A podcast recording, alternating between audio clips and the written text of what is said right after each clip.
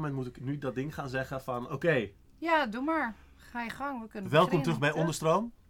Je weet misschien wie ik ben. Maar mijn gast ga ik zo voorstellen. Vandaag gaat het over surveillance. En dat betekent dat we misschien toch wel ietsje meer weten over wie jij bent. Terwijl je verwacht alleen te weten wie wij zijn.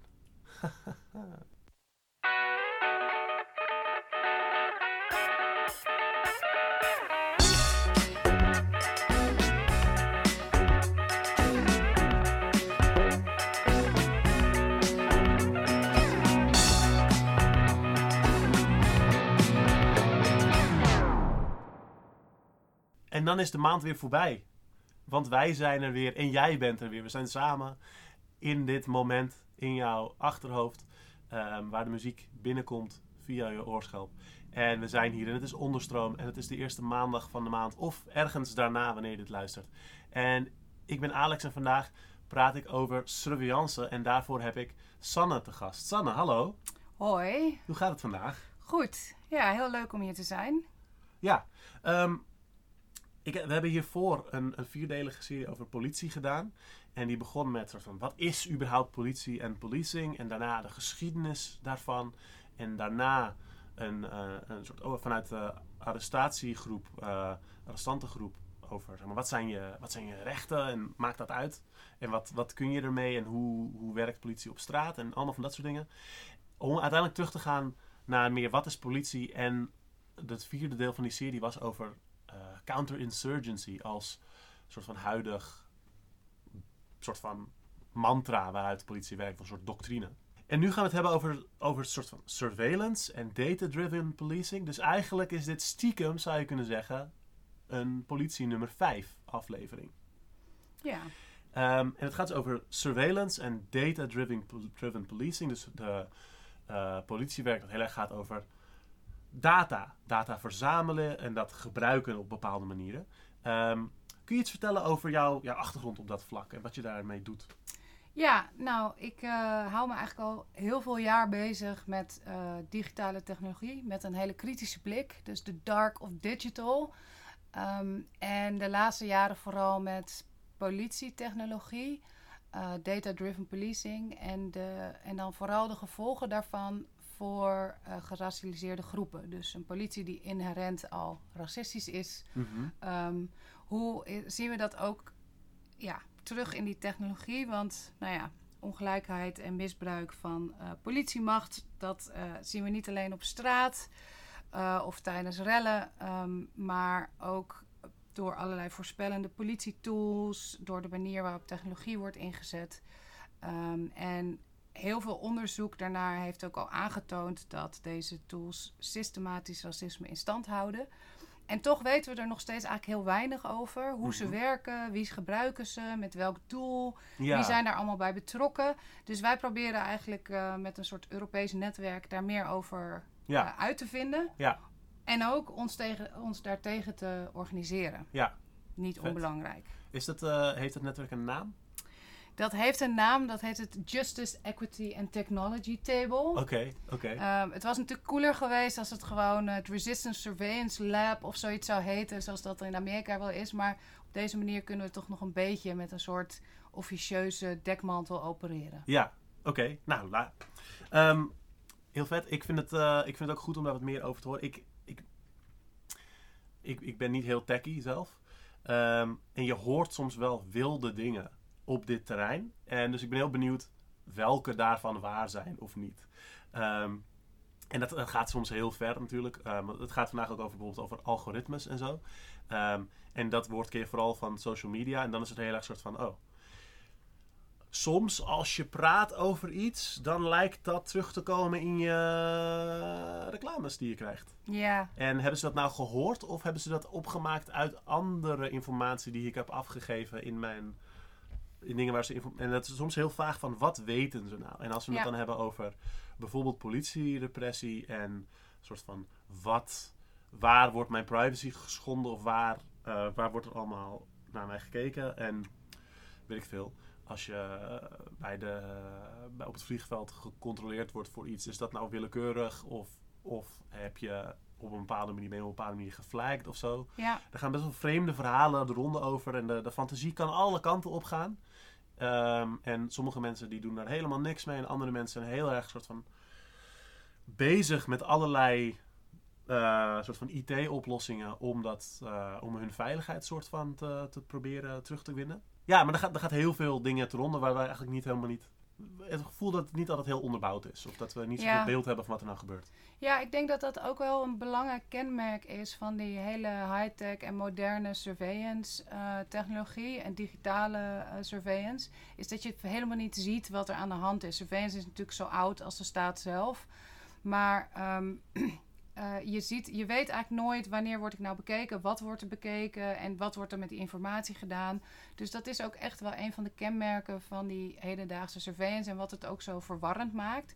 Aan de andere kant ehm, is het ook al heel snel. Net als met het bestuderen van, van de wet bijvoorbeeld. De wet Mhm. is echt zo gemaakt dat je, dat je enorm jargon nodig hebt en enorme expertise om te snappen wat er eigenlijk aan de hand is. En Ja. wat, wat in de praktijk, hoe dat nou uiteindelijk uitwerkt voor jou als gewoon persoon. Ja. Ehm, en zo is dat met technologie ook. Dat wordt heel erg gedomineerd door zo'n experttaal. En ehm, we, het, is natuurlijk, het is ook wel complex, maar dat wordt het ook wel gemaakt. Het, het, er Ja. wordt ook niet, niemand doet zijn best om dat eh, wat, Nee, dat nee. simpeler uit te leggen.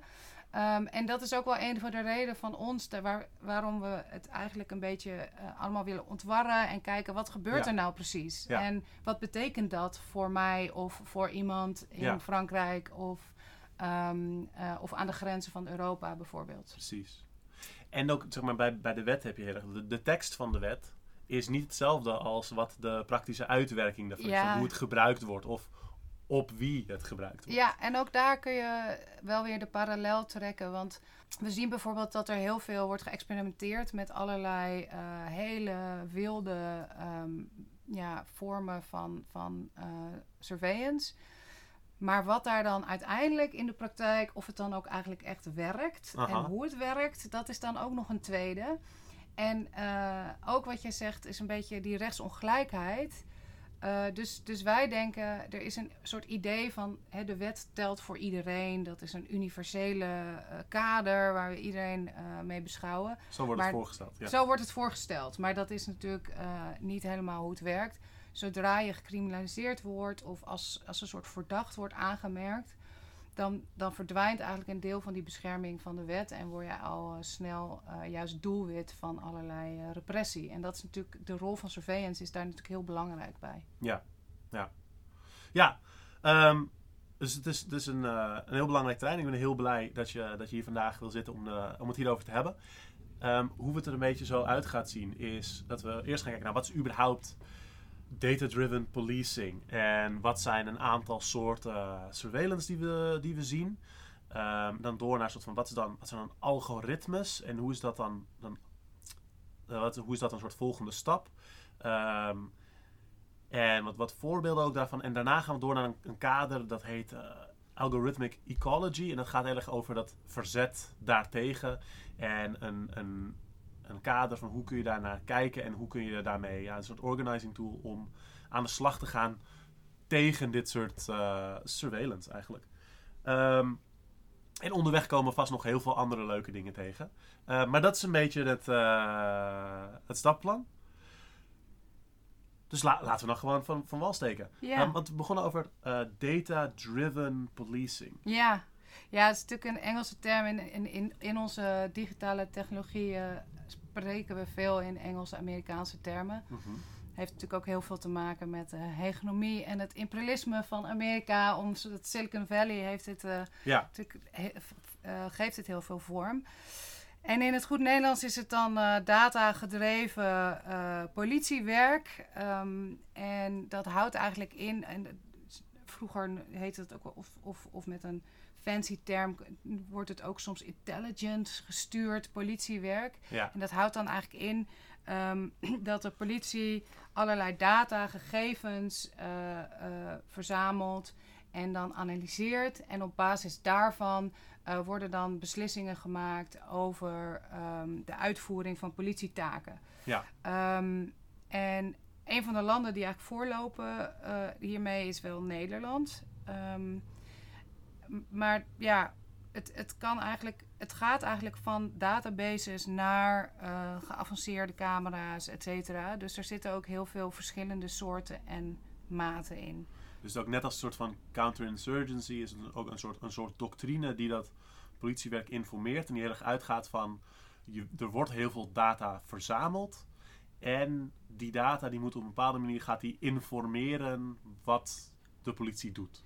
Ja, ja, en, en, en het is natuurlijk ook gewoon, data is natuurlijk ook gewoon een ondersteuning bij de politietaak. Dus bijvoorbeeld, we hebben, uh, we hebben om met dat netwerk, hebben we eigenlijk gekeken van wat gebeurt er allemaal in Europa, wat voor trends kan je zien en wat voor verschillende soorten data-driven policing zou je eigenlijk kunnen onderscheiden. Gewoon om het voor onszelf een beetje te ordenen. Ja. Want er is zoveel, als je er eenmaal over gaat nadenken, gebruikt de politie natuurlijk en de regering en wij allemaal. Maar de politie, uh, nu in het bijzonder, die gebruikt natuurlijk data en gegevens voor allerlei dingen. Dus dat begint al bij identificatie. Ja. En dat begint eigenlijk al heel simpel uh, door het gebruik maken van allerlei databases waar wij allemaal in staan. Of dat nou een soort van uh, politie, lokaal politie database is binnen Nederland. Of dat dat gaat om Europa Europese databases. Um, en dat is natuurlijk zo simpel als gewoon het feit dat je een paspoort hebt, staat er eigenlijk al. Ja, en ja, daar staan gewoon jouw gegevens in. Uh, en dat is natuurlijk een hele, de basisadministratie van de staat natuurlijk. Dat is iets waar de politie gebruik van maakt om te bekijken van wie ben jij? Want dus dat is de eerste klassificatie die wij hebben gemaakt bij Data-Driven Policing. Dus je gaat er eigenlijk uit van vier types, geloof ik. Ja, wij hebben het verdeeld in vier types. Uh, um, dat is wie ben je? Ja. Uh, dat is waar uh, en met hoeveel ben je. Ja. Um, dat meer is de beweging analyse ja. of zo. Ja. En ja, de communicatie en dat is tenslotte predictive policing. Dus bij die eerste wie ben je identificatietechnologieën dat gaat dus, de, de, het grondwerk daarvan is natuurlijk die databases. En dat is altijd heel saai, maar dat is een super belangrijke infrastructuur voor de politie om mee te kunnen werken.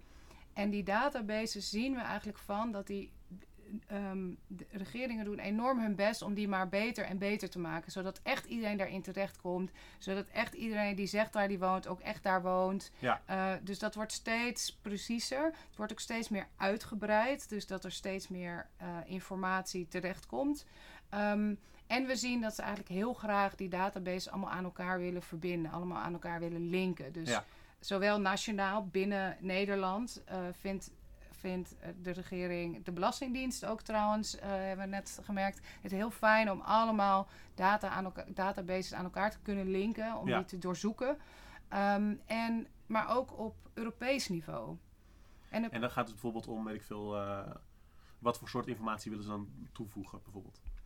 Ehm, nou, het kan gaan eh, op Europees niveau, eh, is wel interessant. Daar is nu een enorme, ehm, hoe noem je dat, reorganisatie van, van databases aan de gang. Ik zal jullie al de, dat heet dan een Prum database of een, of, nou ja, Ja, ja. M- maakt niet uit. Het, je, je krijgt al heel snel enorme, wat ik al zei, hè, terminologie, jargon. Je wordt er helemaal mee doodgegooid. Ehm, maar het idee is dat dan ehm, bijvoorbeeld een database waar nu eh, mensen die asielvragen aanvragen in worden opgenomen, dat die eh, wordt uitgebreid met ehm, eh, live facial recognition beelden, Ja. zodat we die in de toekomst ook hebben. En dat die wordt uitgebreid eh, naar kinderen vanaf zeven jaar, geloof ik. Dus dat, dat, dat die leeftijd wordt verjongd. Zodat je meer mensen. Dus ze willen eigenlijk gewoon meer informatie en meer mensen in, in dat systeem. En dan willen ze het ook nog over heel Europa allemaal met elkaar gaan koppelen. Ja. En dan willen ze het ook nog gaan koppelen aan de lokale politiemensen via een ehm, geavanceerde app bijvoorbeeld. Zodat iedere politiepersoon. Ehm, eh, die eh, bijvoorbeeld in Spanje ehm, iemand staande houdt, meteen een vingerafdrukscan kan doen. Ja. En dat, dat meteen wordt gezien van, oh, deze persoon eh, is hier legaal. Of deze persoon staat in het Schengen Information System. Daar Ja. staan dan de niet-legale mensen in. En zo zie je dat daar wordt gebouwd aan zo'n hele infrastructuur. Ja, en dat begint eigenlijk bij zo'n database.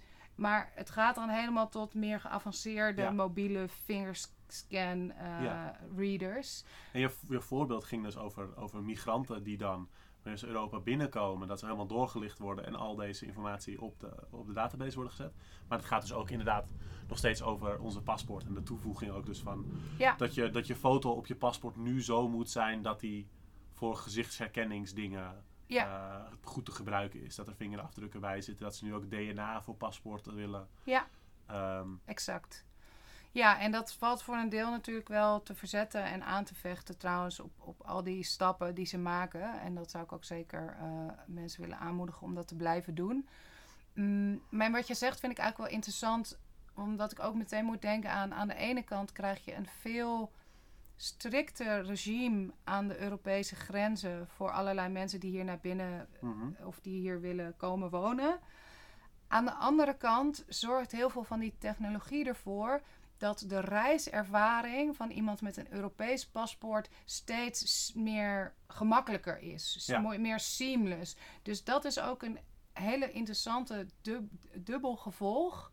Dat je een soort van ehm, enorm verschil en ongelijkheid krijgt. Dat voor de ene is het eigenlijk luxury surveillance, wordt het Ja. wel genoemd. Dus daar, ehm, dat, dat maakt het, geeft mij meer comfort om te Ja. reizen. Omdat ik bijvoorbeeld, ik, ik moet voor mijn werk best vaak reizen. En dan kun je dus heel fijn op zo'n vliegveld, kun je dan eh, je paspoort in zo'n scanner doen. En dan, Ja. dat, dat gaat allemaal veel sneller. Dus nou ja, ik vind dat natuurlijk niet fijn, omdat ik in Nee. dit onderwerp werk. Maar voor heel veel mensen vinden dat natuurlijk heel prettig en gemakkelijk. Terwijl andere mensen, en dat is ook eh, met die digi- digitale surveillance, zul je eigenlijk veel makkelijker ehm, verschillende regimes kunnen maken van mensen die, die omdat Ja. ze de juiste info- ja, pasjes hebben, zeg maar, Ja. heel heerlijk. Zo, welk, Eh, welk niveau clearance heb je en zo makkelijk wordt het. Ja. Ja. Voor jou is dit een binnenlandse vlucht. En Wat zeg je? Voor deze persoon is het een binnenlandse vlucht en Ja. voor die andere persoon is het twee weken quarantaine. Ja, ja, exact. Ja. Ja, ja precies. Maar goed, dat is dus de identificatietechnologie. Ehm en eh, dan heb je, en daar, daar valt dus biometrische eh, technologie ook onder, hè, van gezichtsscannen. Daar proberen ze dan in ieder geval mensen mee te identificeren. Moet ik zeggen dat dat echt niet zo goed werkt Nee. eh, als je zou denken. En ze zijn ook bezig bijvoorbeeld met stemherkenningstechnologie. Daar is de Nederlandse politie ook heel erg mee aan het werk. Dus dat is allemaal identificatietechnologie. Ja. En een tweede, eh, zeg maar, ehm, eh, een, een tweede eh, groep technologieën ehm, is, is van waar zijn mensen. Ehm, dus dat hoeft niet per se te zijn dat ze echt willen weten wie dat is, maar gewoon puur al beweging van waar is een massa mensen. In Amsterdam wordt dat best wel veel toegepast om te kijken of het niet te druk wordt. Ja, Ehm, en, ehm, maar ook eh, bijvoorbeeld, ook weer het voorbeeld van de Europese grenzen, heb je natuurlijk eh, allerlei eh, hittezoekcamera's die kijken van zitten er mensen ergens verstopt in een vrachtwagen of ja. lopen er mensen richting een grens. Ehm, drones zijn ook een heel belangrijke manier van nou, waar tijdens een protest bijvoorbeeld zien we Ja. dat hier ook. Van waar lopen mensen heen en en die dingen kunnen natuurlijk gekoppeld worden. Hè? Dat zo'n van waar zijn mensen, dat dat uiteindelijk gekoppeld wordt aan een identificeren Ja. eh, mechanisme. Ehm, en dat is natuurlijk altijd met, ehm, met dit soort onderscheid. Hè? Er zit natuurlijk wel wat eh, continuïteit in. Een derde waar we dan naar kijken is communicatie surveillance. Dus dat gaat eigenlijk van ehm, vroeger, wat je vroeger telefoontaps eh, Ja. had, ja. eh, naar nu veel geavanceerdere social media surveillance, ehm, internet eh, surveillance, dat soort dingen. Ja. Ehm, en dat is ook iets waar de politie zich natuurlijk op grote schaal mee bezighoudt. Ehm, en dan tenslotte kijken we naar wat. Dat vind, ik, dat vind ik nog wel mooi trouwens. Want mensen zeggen het volgens mij niet vaak genoeg. Zeg maar, je had vroeger had je het Watergate-schandaal. Dat eh, de, de president van de Verenigde Staten, Nixon, dat hij allerlei mensen hun telefoons en allemaal gesprekken ging afluisteren. En persoonlijk ging, eh, gingen afluisteren ook. Dat hij er zelf een soort van connectie mee had. Ehm, en, maar wat we nu aan soort van communicatiesurveillance hebben en hoeveel berichten en de communicatie die wordt afgeluisterd, afgetapt. eh het staat, staat gewoon het is gewoon een lachertje, dat ding waar vroeger dus iemand op, een, president op, op een soort van ontslagen is.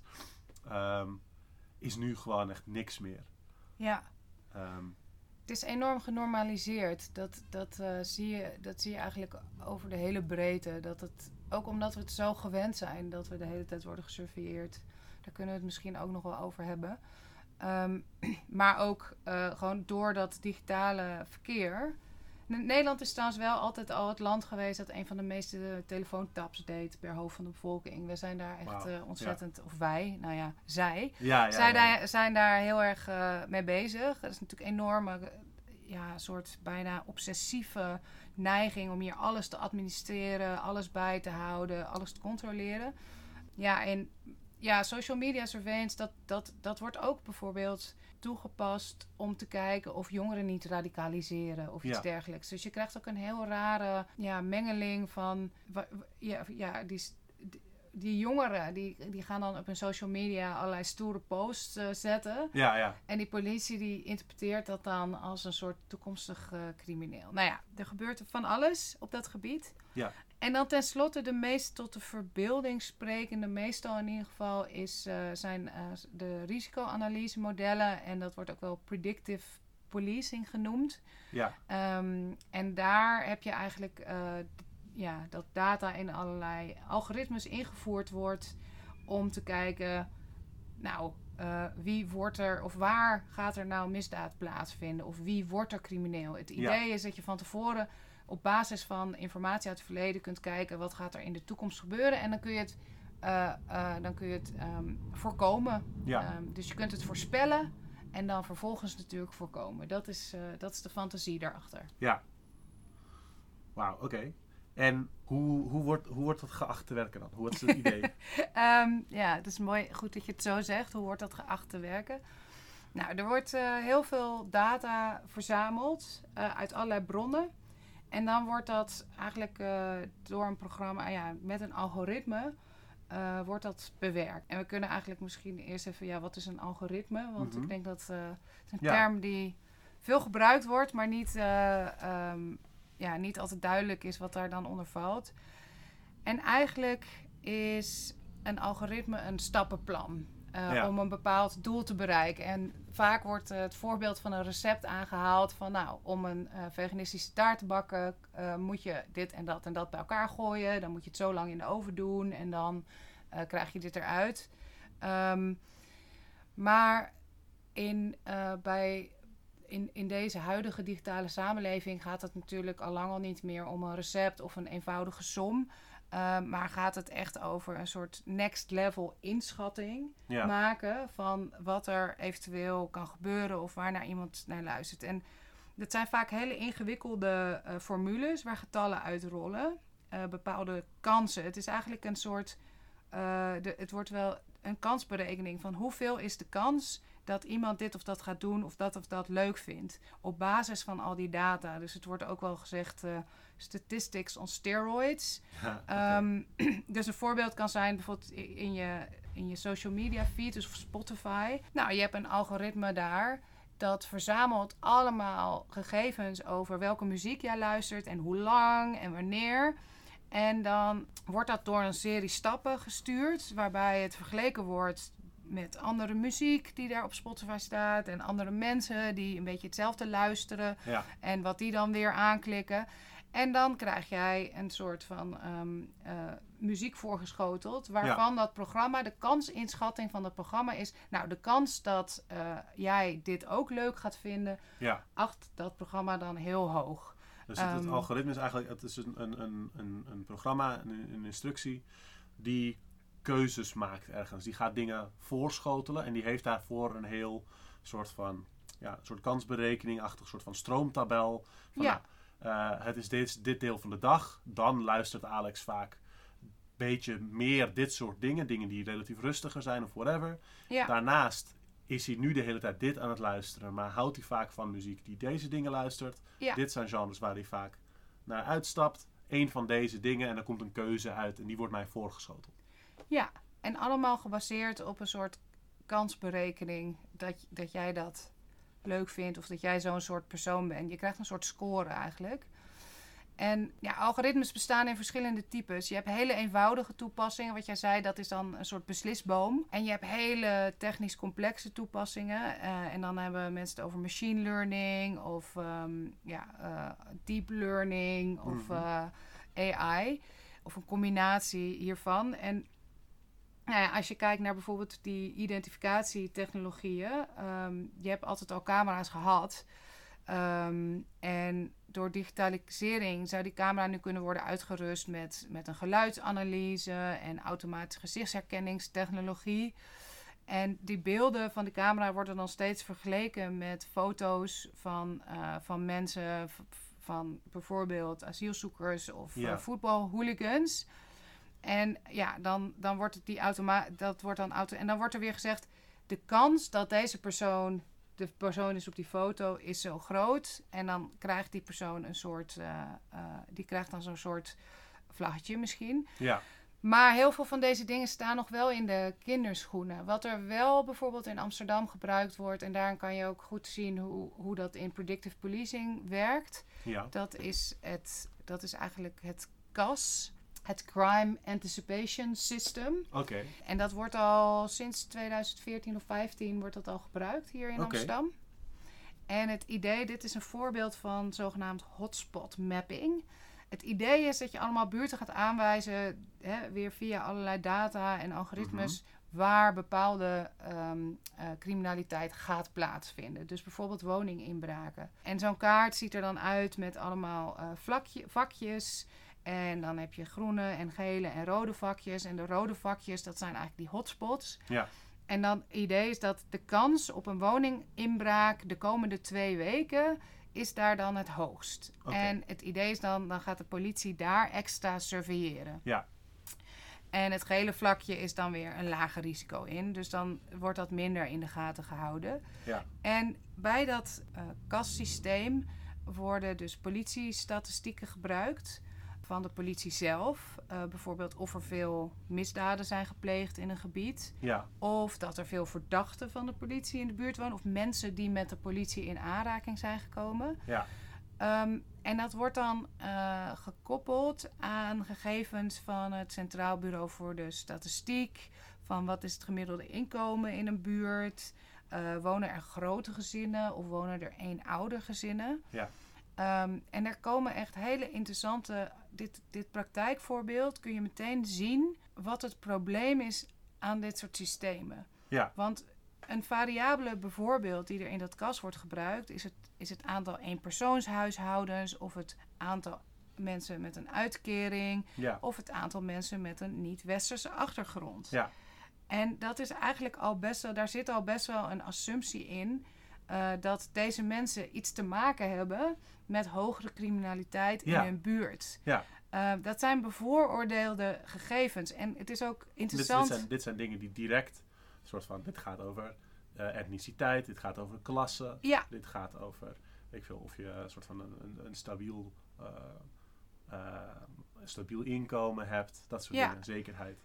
Ja, en, en dat geeft eigenlijk meteen een basisprobleem aan met, met deze systemen. Kijk, al die systemen, die, die predictive politiesystemen en ook een, een algoritme, eh, een, een risicoanalyse-algoritme zelf, daar, is een, daar zijn eigenlijk een aantal assumpties. En een van de assumpties is dat je allerlei data hebt die eigenlijk neutraal of objectief een soort eh, aangeven van Ja, een situatie. Maar die data die wordt al verzameld door iemand met Ja. een bepaalde blik.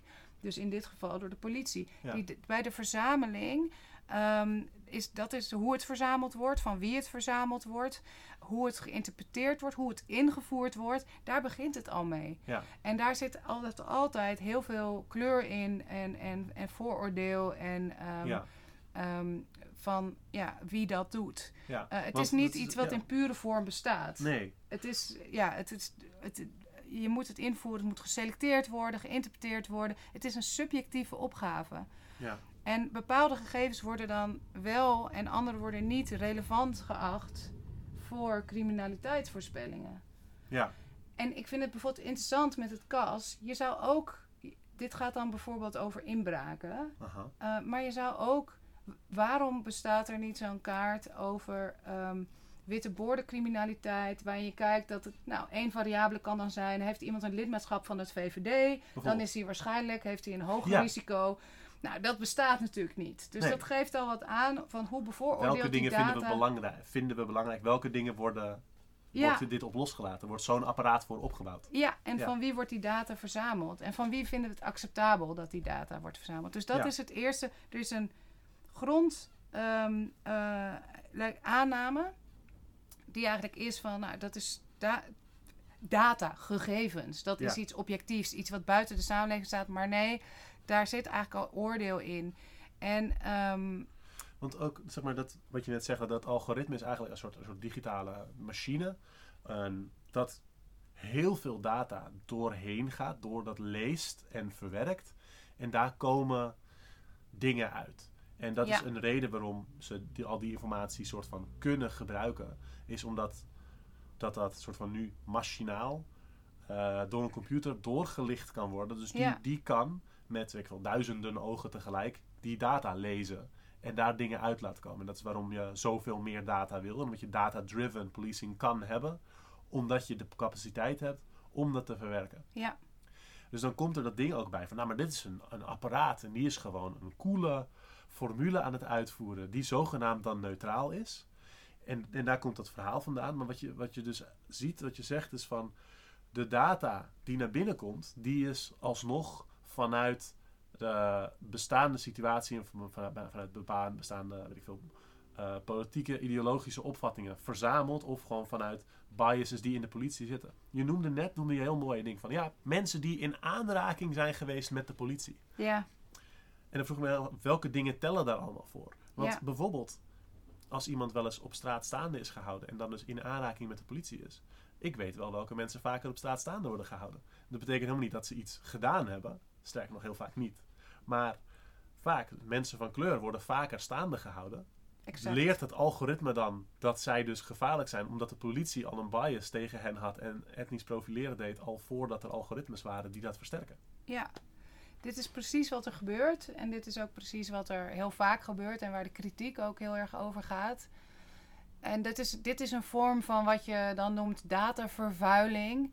Je kan het ook gewoon eh, consequentie van de systeem, sys- systematisch eh, racisme en discriminatie en ongelijkheid noemen. Maar goed, dat wordt dan datavervuiling genoemd. eh, waarbij allerlei ja, vooroordelen tegenkomen. Maar ook het feit dat er al ooit een keuze is gemaakt om iedereen die in aanraking komt Ja. met de politie daar al in te zetten, zonder dat die persoon dus verder eh, tot ja, Ver- veroordeeld hoeft te zijn i- hoeft te zijn.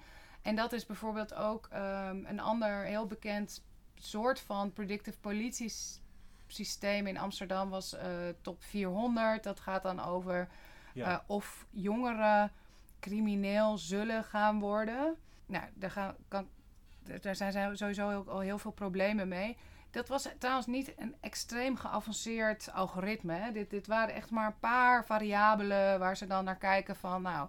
Maar één was dus een Het zijn- zijn aanraking... gewoon een soort van 400 jongeren uitgekozen. Jullie zijn het. Jullie gaan waarschijnlijk crimineel worden. Dus we gaan dingen doen om dat te voorkomen. Ja, ja, en op basis van hele, helemaal niet een geavanceerd systeem, maar wel van hele discutabele variabelen, waaronder aanraking met de politie. Dus er, er is dan ook, eh, er is een hele mooie documentaire van gemaakt en daarin zie je de moeder van een jongen die dus getuige was van een, ja, een steekpartij. Dat woord zocht ik. En dat eh, bij de politie heeft gemeld en daar natuurlijk zelf ook enorm door in de problemen kwam. Door, Ja. door die, eh, en omdat, weet je, dat werd dan al als een een van de meldingen gezien van hem, waardoor hij weer een hogere score kreeg om crimineel te worden. Dus toen Ja. hij later ook eh, een keer voor een uh, winkeldiefstal of wat dan ook werd opgepakt, telde dat erbij op. Ja, Terwijl dat getuigen zijn van een misdrijf, dat, dat Ja. staat natuurlijk helemaal nergens op dat dat meetelt in je score.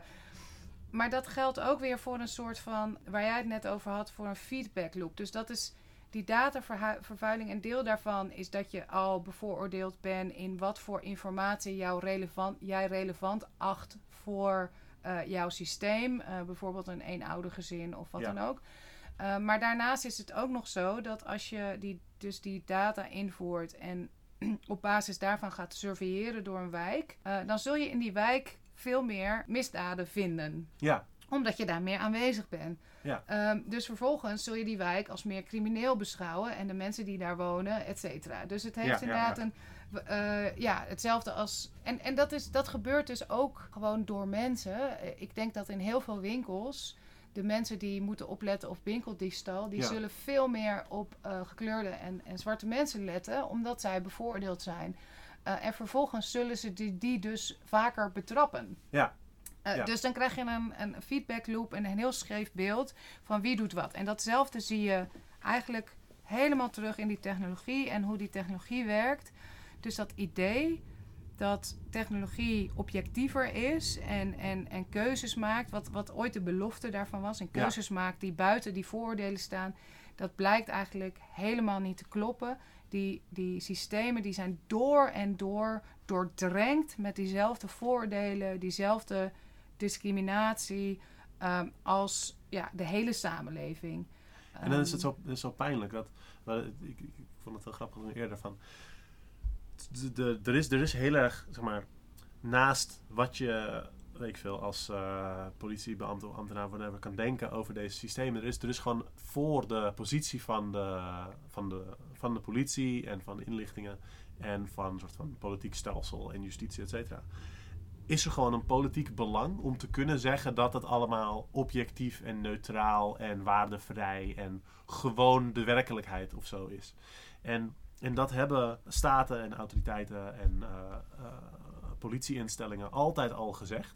Ook wanneer telkens weer opnieuw wordt aangegeven dat daar racisme in zit, dat daar bias in zit. Dat, de, dat die instellingen niet bestaan om mensen te beschermen en te helpen, maar om een bepaalde sociale orde in stand te houden en toe te staan dat, eh, dat die nog extremer een bepaalde kant in uitslaat. Ehm, en elke keer dat we dat laten zien, zeg maar, tot op zekere hoogte, zeg maar, sch- schudden ze het van zich af als water van Mark Rutte, water van een eend. En tot op sommige, sommige hoogte gaan ze ook een soort van innoveren om datzelfde verhaal in een nieuw jasje opnieuw te kunnen vertellen. En met algoritmes is dat dus ook heel erg een poging, omdat het nu bepaalt een computer het. Die heeft gewoon, die kan gewoon niet racistisch zijn. Guess again. Ehm, en maar het is grappig dat het eigenlijk niet zo heel veel verandert Nee, op dat vlak. Nee, je, je, je, je kunt ook door de geschiedenis heen eigenlijk kun je, kun je ook zien dat wetenschap ook altijd gebruikt wordt hè, als een soort van. En, en of dat dan op, uiteindelijk leidt tot, tot hele rare veronderstellingen met schedelmetingen en weet ik Ja. Eh, toch wordt er dan. eh, en, en hetzelfde met technologie. En iedere keer is er weer van. Nee, maar dit keer wordt het hem wel. Ja, dit, ja, dit, ehm, ehm, en we gaan eh, het straks ook hebben over een. Over een eh, groep die zich verzet tegen predictive policing in LA. eh, Stop LAPD Spying. En zij kijken echt op een abolitionistische manier naar die politietechnologie. En zij zeggen ook altijd: This is not a moment in time, but a continuation of history. Eh, waarmee ze bedoelen van ja, het, het ehm, eigenlijk dit soort surveillance en dit soort predict, dat, de- deze ideeën die hier aan ten grondslag liggen, Ja, die zien we al eh, van eh, zeg maar de slave patrols ehm, tot eh, in het nu en, en ook in, in, in tallo's, in maar, de, de wens om die data te verzamelen, om te controleren waar mensen zijn, dat te weten, dat in te kunnen delen. Ja. En om de, soort van de beperkte macht van de autoriteit te kunnen richten op de, de, de zo kleine mogelijke groep mensen die mogelijk voor problemen zouden kunnen veroorzaken. Zo. Ja, en, en dat mogelijk voor problemen, dat is natuurlijk, daar zit een soort, en dat is het volgende wat we moeten begrijpen. Waarom, waarom algoritmen eigenlijk zo goed passen Ja, bij deze manier van denken, is omdat algoritmen dus altijd scoren en profileren. Algoritmen die, eh, en, en heel veel van deze eh data-gedreven technologieën, ehm, gaat het altijd over voorspellingen dat jij eventueel een risico kun, kan, kan gaan zijn.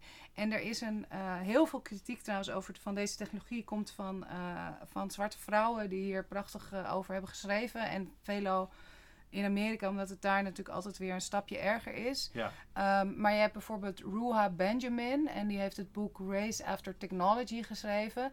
En die schrijft, ehm, en dan ga ik even quoten van... Racism has always been about predicting.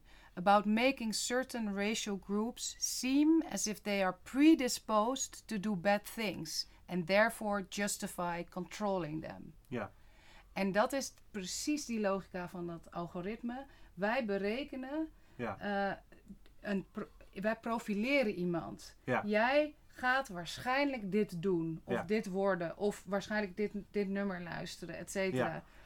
nou ja, en dan of welke muziek je luistert, daar kunnen we nog een heel discussie over hebben of dat leuk is of niet. Of, of, of, Ja, eh, maar hier, hier zijn de stakes natuurlijk wat, wat hoger eh, bij dit soort. eh, maar dan zie je ook dat er. Er zit een inherent problematische aanname in. Ja. Dat je mensen kunt profileren en eh, kunt indelen als een risico. En dat je daar vervolgens op mag handelen. Terwijl ze nog niks gedaan hebben. Ja. Maar dat ze misschien iets gaan doen. Ja. En dat is, ja, dat is En wel... ook, en ook de- wederom die hele naïeve assumptie dat als je daar dan op handelt, ja, dat dat dan niet een gevolg gaat hebben. Oh, we zijn alleen maar aan het kijken. Maar ja, als je iemand staande houdt en daarmee verdachter maakt in dit systeem, plus gewoon mensen dus de hele tijd bedreigt en zich bedreigd laat voelen en door, zeg maar, vernederd in de omstanden, in de aanwezigheid van anderen. Want, nou, poeh, die is weer staande gehouden door de politie. Wat zal er weer gebeurd zijn? Die zal er weer iets gedaan hebben. De, de gevolgen ook van alleen maar even kijken. Zeg maar, je Ja. doet alsof dat er niet is, terwijl het heel duidelijk wel is. En ook in de praktijk van, van heel veel politierepressie heel duidelijk gewoon wel is. ja, Er zijn gewoon bepaalde mensen die gewoon heel vaak staande gehouden worden. En echt wel dat, dat politie weet dat ze daarmee iemand eh, onderuit kunnen halen. Dat Ja. ze daarmee iemand demotiveren en kapot maken. ja, en dat wordt eigenlijk gereproduceerd en versterkt in die algoritmes. En er is hier trouwens, vergeleken met een aantal jaar geleden, is hier wel steeds meer aandacht en, eh, eh, voor. Maar niet op een manier waar ik per se heel gelukkig van word. Ten eerste wordt er heel vaak gezegd van... oké, we moeten dan die algoritmes... die moeten we dan zo bouwen dat ze... we moeten de bias eruit halen. Nou is Ja. bias... ik weet niet of je dat er ooit wel ergens in een van de Bias afleveringen... betekent zo, heb ik, heb ik niet specifiek gehad, maar dat betekent zoiets als een soort, een soort, eh, een soort denkfout of zo. Een Ja. soort vooroordeelachtig ding. Ja, bias is, is een term die eigenlijk al heel snel eh, ja, racisme en discriminatie eh, depolitiseert. Hè? Ja. Van, bias is een soort, ja, van inderdaad een soort denkfoutje, een soort vergissing. Dus we moeten die bias moeten we uit dat systeem halen. Eh, en we moeten het trans- transparanter maken. Dus we moeten al die algoritmes, zodat je dat allemaal zelf weer kan narekenen. En er wordt dan wel ethical, ethical unbiased algorithms Ja, dat is een van de stappen. En nou is het op zich, eh, lijkt het me sowieso dat als je iets bouwt, dat het dan. eh, ehm, eh, dat je niet wil dat het allerlei datavervuiling erin heeft.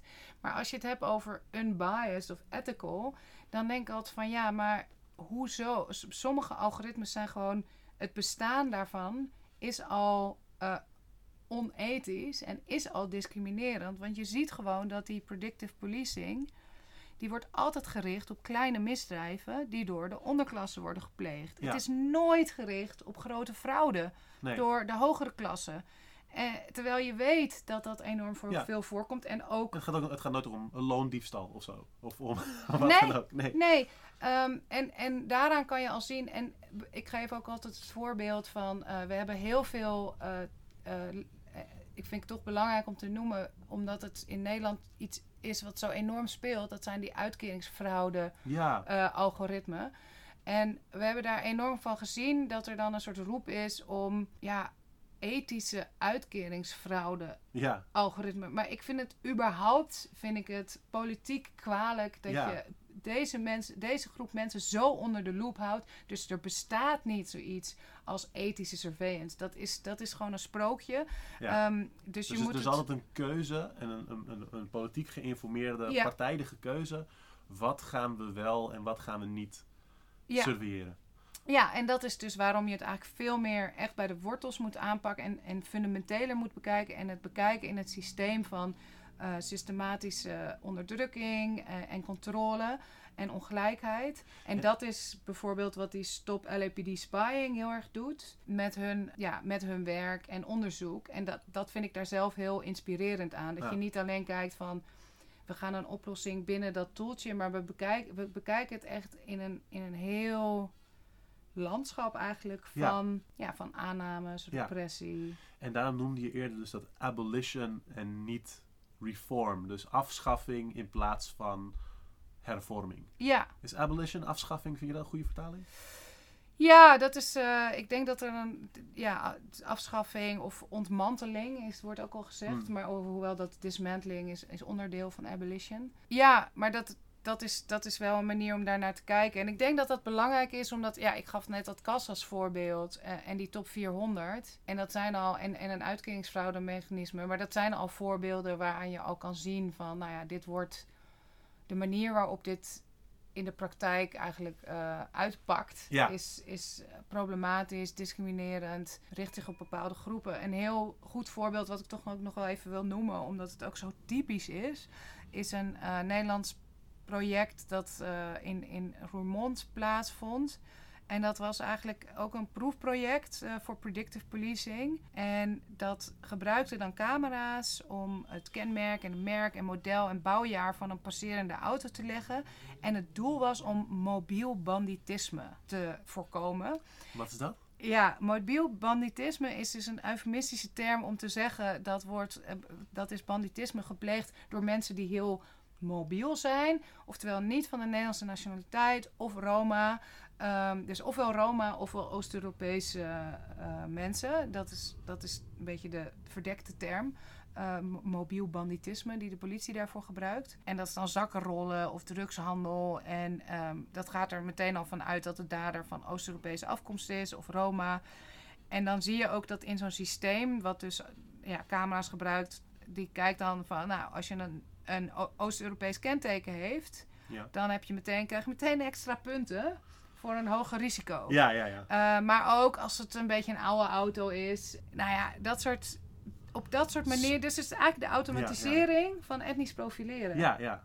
Terwijl het wordt verkocht als een soort heel innovatief eh, systeem. Wat Ja. natuurlijk ook altijd, dat, dat hele innovatie, eh, narratief, nou ja, daar kunnen we het ook nog een keer apart over hebben.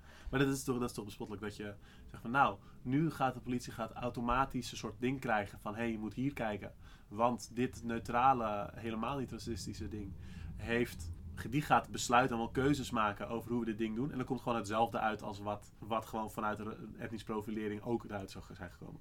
Ja, zeker. Daarom, daarom is het ook gewoon. Het is ook een beetje een. Sommige van die zogenaamde smart projecten zijn ook eigenlijk heel dom en, en kortzichtig. Even, ze werken trouwens vaak ook helemaal niet. Het is, het is voor mij vaak best wel leuk om rapporten te lezen waarin wordt beschreven hoe die politie daar dan mee werkt. Die dan ook, ook niet helemaal weet wat ze dan met zo'n signaal Ja. moeten. Of eh denken van ja, dat had ik toch op deze manier ook al. Wat, wat, wat, la- wat maar laat zien. Hè? Die Ja. technologie die neemt inderdaad precies die vooroordelen over die zij zelf al hadden. Maar goed, Ja. dat, is, dat is dus nog een voorbeeld uit Nederland. Waar je kan zien van, nou, dit zijn die groepen mensen die eigenlijk, eh, Ja. eh, zoals ze dat dan eh, in Amerika weer noemen, overpoliced en underprotected. Ja, en het is ook, het is ook interessant om te zien hoe in deze, deze soort van data-driven policing en, en algoritmes heel veel eerdere dingen uit die, zeg maar, die politie, politiereeks ook weer terugkomen.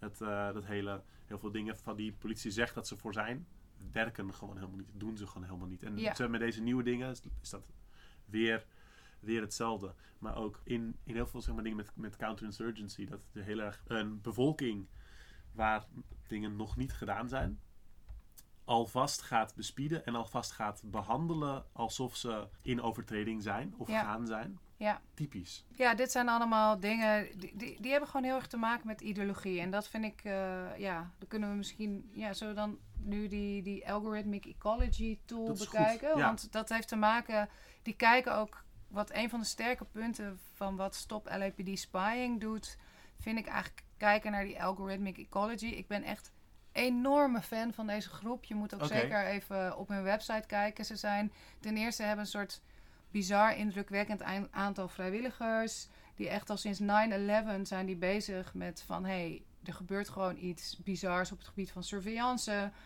Eh, we moeten Ja. hier iets mee. Wij worden eh, gewoon... eh, iedere keer weer zijn we de Sjaak met dit soort, met dit soort projecten. Ehm, en ze zijn toen eigenlijk meteen begonnen met op Skid Row in, in LA. En dat is toch een, een buurt waar gewoon eh, eh, veel gemarginaliseerde mensen wonen. En ook veel daklozen zijn en, en sekswerkers en dat soort dingen. En daar zijn ze eigenlijk begonnen met praten met mensen van... hey, eh, hoe is het om de tijd nu verdacht te zijn eh, door, door Ja. die 9-11? Nou ja, en zo hebben ze eigenlijk heel erg vanuit dat, echt, eh, dat community werk, zeg maar... zijn ze steeds verder gekomen. En ehm, ja, in, in LA is ook nog een van de eerste eh, predictive policing tools toegepast. Uh, Predpol, wat trouwens nu ook weer helemaal is verlaten, omdat het totaal niet deed wat de belofte was dat het deed. Ja. Maar dat maakt niet uit. Het, het gaat soms ook, ook om die, die intentie is ook al genoeg. Hè? maar dat Predpol kwam daar en toen zijn zij zich op een enorm indrukwekkende manier gaan organiseren daartegen. En ze gebruikten, ze ontwikkelden daarbij eigenlijk een methode. Een methode om, om, om zich te organiseren, maar ook om um, echt met de gemeenschap onderzoek te doen naar hier. Dus niet meer afhankelijk te zijn van experts.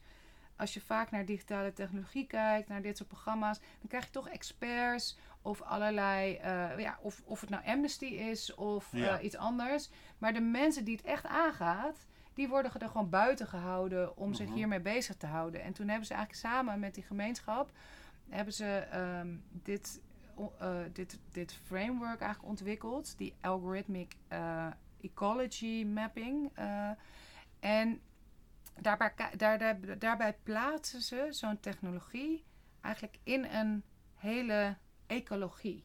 Die het in Daarom heet het dus ook algorithmic ecology van... Ja, ja. En je moet je dat voorstellen, het is een soort uh, cirkel mm-hmm. met vier niveaus.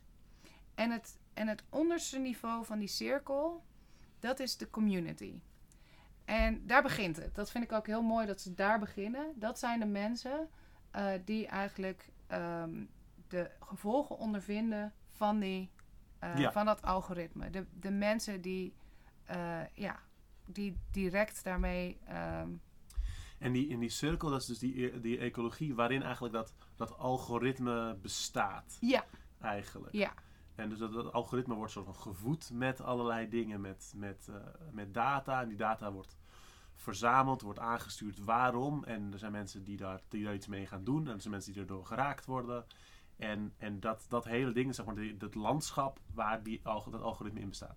Ja, ja, en het is ook gewoon een manier van politieke analyse. Dus het is waar het in bestaat, maar dat is ook hoe als beweging uh, analyseren we dit. Um, zij zeiden ook heel erg, uh, want ik heb ze een paar keer uh, heb ik met ze gewerkt en geïnterviewd en dan zeggen ze ook heel erg van ja, we, we snapten, we begrepen onmiddellijk dat dat Predpol, dat was gewoon, dat is misschien één, als je, als je bijvoorbeeld alleen maar tegen dat Predpol gaat um, actie voeren. Ja op een gegeven moment discontinueren ze dat of halen ze dat weg. En dan, of dan noemen ze het anders, wat ja. trouwens ook gebeurd is. En dan, ja, dan kan je weer helemaal opnieuw beginnen met je campagne. En dat is voor een deel is dat wat er toch wel gebeurt. Maar zij zeiden van ja, maar we wilden ook uh, alles wat uh, zeg maar complicit was, wat dat mede mogelijk maakte, wilden we naar kijken. Maar hmm. ook wat voor ideologie en aannames daaronder zitten. Want dat moet je eigenlijk, en dat is eigenlijk gewoon hele um, decent uh, bewegingsopbouw en uh, uh, actiestrategie. Dat je al die, hè, je kijkt naar het narratief, je kijkt naar de legitimering, je kijkt naar um, wie maakt wat mogelijk. En daar ga je dan weer interventiepunten bepalen. Dus zij hebben dat eigenlijk op een hele leuke manier in zo'n in die algor algorithmic ecology gezet. Van, om maar te benadrukken van hey, het gaat niet alleen om één technologie. Ja. Er is eigenlijk een heel ding omheen wat dat in stand houdt. Maar je, om, om dan te beginnen bij de, de community, bij de, de mensen uh, die het meeste impact hiervan ervaren, die, voor wie het het meeste gevolgen hebben, dus die in de gaten worden gehouden door deze technologie. Dat vind ik wel belangrijk uh, en dat het ook. Vrij uniek zou ik zeggen. Ja, zeker. Want het, je begint toch vaak een beetje top-down. Um, en het wordt tegenwoordig trouwens wel steeds uh, hipper om te zeggen van uh, centering uh, communities en zo. Maar of dat dan ook echt gebeurt, is nog maar een tweede. Zeker bij iets dat zo erg in jargon en IT praat en zo ingaan. Ja. Ja, en ik heb zelf ook wel. Ik ben. Ik bedoel, het lijkt mezelf ook nog steeds heel interessant om hier een keer gewoon naar, naar jongerencentraal of zo, of buurtwerk te gaan en dan te praten met mensen van hey, hoe zit het eigenlijk met jou? Heb jij wel surveillance ervaren en hoe ervaar je dat? Wat is de schade die je hiervan ondervindt? Want ook in Nederland heb je natuurlijk allemaal programma's. Dus je begint daar met de community, dat is het eerste niveau. Dan uh, heb je eigenlijk het operationele niveau. En dat zijn een Want beetje. De, de community was dus de mensen die erdoor geraakt worden ja. en die het meemaken. Ja, ja. en, en wat, wat is de schade? Wat, wat is het gevolg schade? voor hun? Mm -hmm. um, Een ander heel goed voorbeeld van zo'n predictive policing is, is eh, de gang matrix in Engeland. En je hebt, je hebt in heel veel landen heb je dit soort zogenaamde gang databases. Ja. En daar worden dan ook weer op basis van een aantal variabelen die, weet ik veel, eh, of je naar bepaalde muziek luistert, hoort er altijd bij. Dat is trouwens ook ja. iets waar ook nog veel meer onderzoek naar moet gebeuren vanuit mensen zelf. En veel meer, weet je, eh, hoe ontzettend discriminerend er met cultuurkeuze wordt omgegaan. En Extreem, ja. maar goed, we- welke muziek je luistert, of je inderdaad in aanraking bent gekomen met de politie, of jouw broer of iemand om. Nou, dat zijn dan Ja, al ja, weer ja, allemaal van die problematische eh, variabelen. En dan kom je dus terecht in zo'n gang matrix. Dus dan, wordt er, dan word jij dus weer eh geflagged als jongere. En in, in Engeland kreeg ze dan zelfs een brief thuis van je staat in deze matrix en pas maar op, want we houden je in de gaten. Dat is natuurlijk ook wel weer heel Engels. En je hebt geen idee hoe je erin komt of wat dan ook. Maar je ziet dan, Stel je voor. ja, Het, is- het is verschrikkelijk, maar het, het is zo bespottelijk dat je, weet ik veel, ja, je hebt, je hebt iemand neergeknuppeld zien worden en je luistert hip-hop. Ja, En je woont in een bepaalde wijk en je krijgt een brief op de deur. Hé, hey, we hebben je wel door hoor. ja, ja, ja. ja. En dan wordt, ja, en dat is dan geavanceerde, innovatieve, nou ja, et cetera. Maar dat heeft ook echt consequenties voor mensen. Want ze worden, eh, als ze, ik bedoel, in, in Engeland heb je ook insane stop and search en etnisch profileren. Nou, iedere keer dat je wordt aangehouden, sta je daar echt zeker wel weer een kwartier langer. Want ja, Ja. je staat in dat systeem. Uh, als jij eh, bepaald op school weten ze dat. Dus ze houden, weet je wel, eh, als je bepaald werk op zoek bent, dan kom je eh, soms naar boven. Dus het heeft gewoon allemaal consequenties. Dus dat is ook wat zij eerst in kaart wilden brengen. Wat ik ook heel belangrijk vind om te benadrukken. Van, wat zijn nou echt de consequenties voor mensen hun dagelijks leven? Ehm, en dat is ook met die, die top 400 jongeren in Amsterdam. Daar was een soort, er wordt dan een blik van sociaal werk en weet ik veel wordt, Ja. wordt er opengetrokken. Die school weet, nou, hun, hun ouders krijgen dus een brief. Die school weet dat ze op de lijst staan. Je wordt dus enorm gestigmatiseerd. Alles wat jij doet wordt ehm, in een kader eh, gezien van... jij zal misschien hele zware crimineel kunnen worden. Dus iedere, iedere vorm van zeg maar kattenkwaad of eh, gedrag wordt... Dat in is er één. ja, nou ja, en dat wordt in dat. En dan eh, is dus de straf of zo die je daarvoor ontvangt veel hoger. Omdat, omdat je gewoon, ja, je wordt. Het, dat, het is niet alleen het stigma, maar het is ook hoe andere mensen op jou reageren. En daardoor ja, je in een soort spiraal van onmogelijkheden terechtkomt. Maar dat is dus heel belangrijk. Je begint bij de community, je begint bij de gemeenschap, je begint bij de schade, bij de consequenties die dat heeft voor het dagelijks leven. Dat ga je eerst bekijken. Ehm, en met wie je samen dit dan ook dit gaat onderzoeken. Van wie wordt er allemaal door geraakt? Wat zijn onze Ja. allies om Ja. dit verder aan te pakken? Dat is ook wat zij heel erg zijn gaan doen. Want ze begonnen bij een groep mensen, maar uiteindelijk kwamen ze ook inderdaad achter van ook seksworkers hebben hier ook heel veel last van. En eh et cetera. Dus dan Ja. vind je ook, en dat is natuurlijk ook heel belangrijk voor organisatie en van, van acties, dat je, dat je in, in solidariteit met elkaar kan, kan kijken van hé, hey, Ja.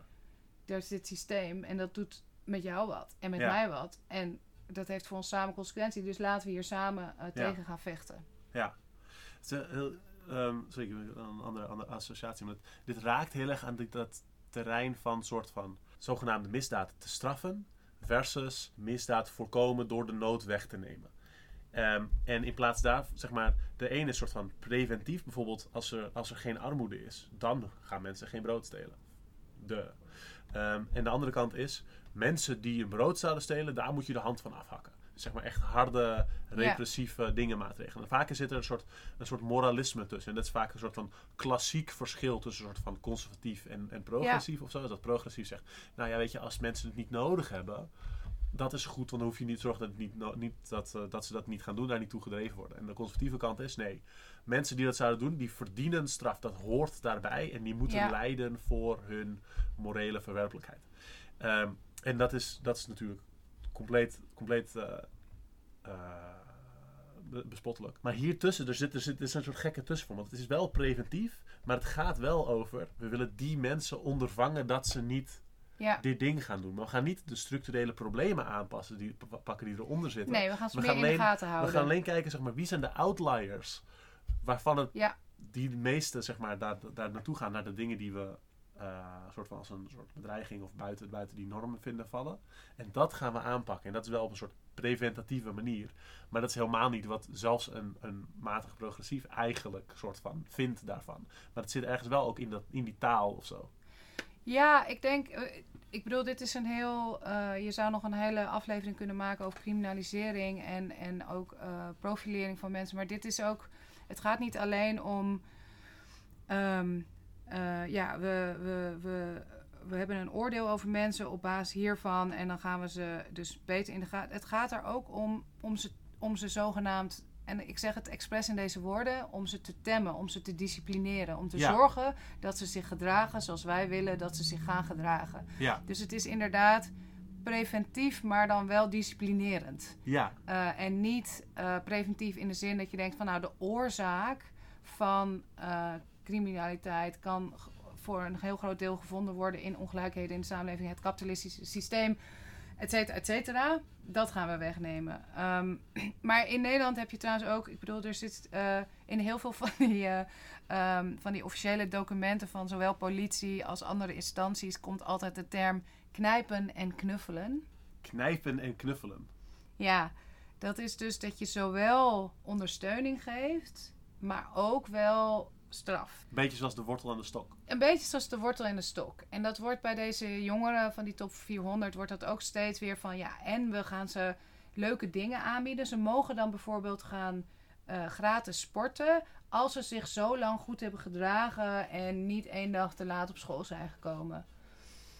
Maar hoe dan ook, je komt in een soort enorm regime terecht. Waar je de ja, hele ja. alles wat je doet wordt in de gaten gehouden. En dan soms inderdaad krijg je een snoepje omdat je het goed doet. Of, eh, en ook dat hele sociaal werk en jeugdwerk, dat is daar ook allemaal op ingericht. Hè? Daar kun, dat is natuurlijk ook een heel apart Ja, ja. maar ja, als je daar weer tegen wil organiseren, tegen deze manieren van eh, bijvoorbeeld predictive policing of andere eh, politie- of surveillance technologie, eh, is het wel inderdaad belangrijk om, om naar dat hele landschap te Ja, kijken. ja. En ook de laatste, eh, zeg maar, we hadden het nu over de eerste laag in Ja. die algorithmic ecology. Ja, sorry, ik De- heb je heel erg van het pad gehaald. Nee, Inderdaad, dat maakt niet was de community inderdaad. Degene mensen die ervoor Ja. geraakt worden. Nee, maar de laatste laag is ook even belangrijk. Dat is de ideologie. Wat zijn de waarden en de ideologieën die dat algoritmisch systeem eigenlijk eh, mede helpen onderbouwen? Eh, wat motiveert, en dat is in dit geval, is dus dat, dat disciplineren van die Ja. unruly elements en het preventief, dat idee dat je, dat, je, dat je misdaad kunt voorkomen door al van tevoren een soort van gaan, kan gaan straffen of iets Ja. dergelijks. Nou ja, er zitten allerlei ideologieën. Mensen ook- moeten brave burgers zijn. Mensen moeten eh, een, een soort productief deel van het kapitalistisch systeem zijn. En mensen die dat niet aan het doen zijn, die moeten gedisciplineerd. Die moeten geleerd worden om Ja, braaf Ja. te klokken. nou ja, en, en dan, maar dan wel alleen mensen met een bepaalde kleur en klasse ja, natuurlijk. ja, Want we weten natuurlijk allemaal dat als jij een eh koorbal bent, dat er eh, eh, redelijk meer ehm, eh, unruly behavior is toegestaan. Absoluut. En dat dat in een heel ander woord, kader wordt bekeken. Dus dat is ook altijd heel erg belangrijk bij criminalisering. Van ja, wie, wie, wiens gedrag, wat buiten wordt ten eerste, wat is buiten de norm? Dat is Ja. al heel snel een, een probleem. En wiens gedrag wordt dan op welke manier geïnterpreteerd? Wat, wat is de. eh, en dat is, dat is wel een, ideolo- een ideologische keuze. In Nederland maken we bijvoorbeeld al jarenlang de ideologische keuze om om te kijken naar eh, arme mensen als iets wat hun eigen schuld is, wat komt door te weinig discipline, Ja. maar ook die heel erg genegen zijn tot het frau- frauderen. Ja, Dat is, dat is een ideologie die daarachter zit. En die ook heel veel mensen, denk ik, helaas in Nederland wel echt, eh, of ze het nou zich bewust zijn of niet, dat zit wel gewoon echt heel erg in, Ja, in, ja, in het denken. Ehm, en het, om, om bijvoorbeeld zo'n uitkeringsfraude, om het bestaan van zo'n uitkeringsfraude-algoritme te begrijpen, is het ook noodzakelijk dat je begrijpt waar dit vandaan komt. Dat het past in een, in een bepaalde ideologie die de armen ziet als, als, Ja. als, als verdacht. Als mensen die sowieso wel geneigd zijn om eh, de boel te flessen.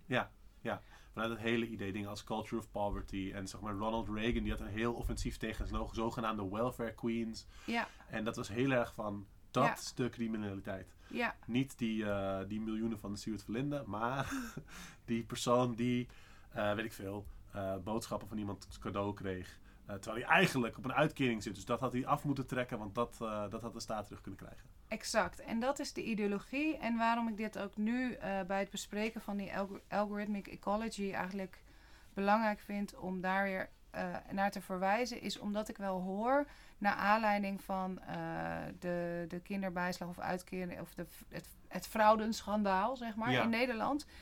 Hoor ik veel mensen die sowieso overschatten zij de rol van automatisering daarbij. Dat die was helemaal niet zo heel belangrijk. Maar daar ga ik verder nu niet een technisch verhaal. Voor de toeslagaffaire bedoel je? Ja, bijvoorbeeld. Ehm, maar dan hoor ik dan heel veel mensen zeggen van ja, toch zo erg. Ja, dat komt door al die geautomatiseerde systemen.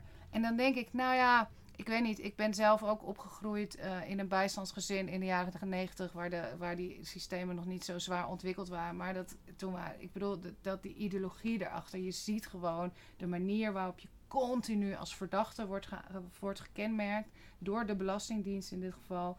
ehm, is gewoon iets wat, wat ook buiten zo'n algoritme bestaat, zal blijven bestaan. Maar wel de reden is waarom er precies daar en op die mensen Ja. dat algoritme wordt toegepast. En niet in de Zuidas of onder mensen die in Amsterdam-Zuid wonen. Gaan we daar eens bij kijken wie er allemaal fraude pleegt met Nee. allerlei, eh, eh, op allerlei manieren. Dus dat is die ideologie. Dus dat is die vierde laag van die algorithmic ecology. En op die manier maak je echt al snel ja, echt wat, wat ik noem een politieke analyse. Ja. Ehm, samen met die gemeenschap waar het dus uiteindelijk om gaat. Want het is dus een bal eigenlijk. Het is een kring en onderin zit die community. Ja, En helemaal bovenin zit die ideologie. En misschien komen we daar straks opnieuw weer uit. ja, Maar dus boven die community in dat model staat dan... ja dat is eh, wat zij noemen ehm, de operational eh, laag. Dus ehm, dat is eigenlijk eh, de verschillende technische componenten van zo'n algoritme. En de mensen die dat direct gebruiken. Dus wat, hè, gewoon puur kijk je echt naar het systeem van hoe opereert het? Hoe, wat is het functie? Waar is de data op? Of welke variabelen gebruikt het? Dat Ja. is heel goed om daar naar te kijken. Want we hebben al een paar keer gezien dat je aan die vari- varia- variabelen al helemaal kunt zien eh, wat het idee daarachter is. Maar ook eh, wie heeft bijvoorbeeld toegang daartoe? Welke diensten mogen er allemaal gebruik van maken? Ehm, bij zo'n kas eh, waar we over begonnen, dat Crime Anticipation System, Ja. heeft iedere agent daar toegang toe? Of wordt dat, weet je wel, welke beslissingen worden daarover gemaakt? Wie Ja. bouwt dat? IBM. Ja. Nou ja, of dat is volgens mij eh, weer de, de, de. Nou ja, dat, zijn, dat is de operationele laag. De, daar hoort dan ook bij in de top 400 de gemeente Amsterdam. Ja. Die voert dat eigenlijk uit. En dus bijvoorbeeld als er, als er dan vanuit het algoritme zegt... deze persoon is een risico... en dan moet dus bijvoorbeeld, weet ik veel... de wijkagent daar iets mee doen of zo... Ja, is die dan deel van die operationele laag? ja, ja zeker. Zeker. Omdat hij zeg maar, de output op zijn bordje krijgt. Ja, dus dat is, dat is precies. Dat is eh, de politie, maar ook bijvoorbeeld. ehm, ehm, eh, eh, dat, kan, dat, kunnen dus, dat kan ook burgemeesters zijn die daar weer beleid op maken. Maar dat kunnen ook allerlei andere, hoe noem je dat? Social welfare, allemaal sociale diensten zijn bijvoorbeeld. Ja. Die hier allemaal weer betrokken bij hebben. En daar kan ook wie traint die mensen, wie bouwt dit, nou ja, et cetera. Dus Ja. dat is die operationele laag. En dat is natuurlijk om te, belangrijk om te weten, om ook te weten van wie moeten we allemaal, waar moeten we allemaal prikken of duwen of eh, wie Ja, moeten we ja, shamen of Ja, ja, ja. hoe gaan we actie voeren. Want bijvoorbeeld politie heeft ook weer een soort van oversight eh, van, die, van die controlemechanismes. Nou, daar kun je dan naar kijken. Dus die kaart is ook echt.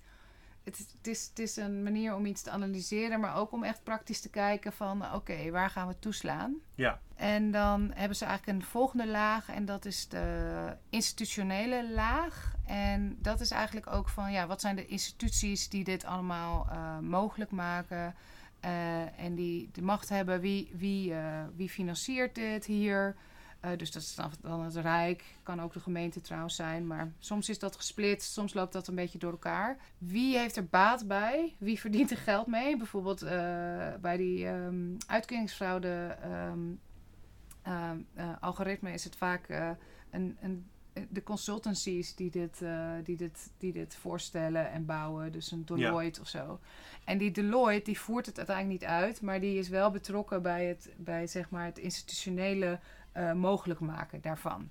Ja. En ja, wat voor belangen komen daar allemaal bij elkaar? Want dat kan natuurlijk ook zo zijn dat ehm, je belangen hebt van eh, de gemeente Amsterdam, die eh, ook weer belangen hebben met het bedrijfsleven. Ja. Die zegt van, ja, wij vinden eigenlijk al die... wij, vinden, wij willen onze wijk veiliger, want dan kunnen daar mensen rustiger shoppen. In het geval van die mobiel banditisme weet ik zeker Ja. dat er wel een paar... eh, invloed van een paar winkelcentra die daar zaten. Ja. Dat die wel een keer eh, naar de burgemeester zijn gestapt om daar invloed uit te oefenen. Van kun je niet iets wat doen aan. eh, dat aan- rijkere mensen dit een interessante plek vinden om hun geld Ja. uit te geven. Ja, precies. Maar ik kan bijvoorbeeld zo'n consultant, Deloitte, die wil gewoon hun eigen werk soort van een hoog profiel geven. En, Ja.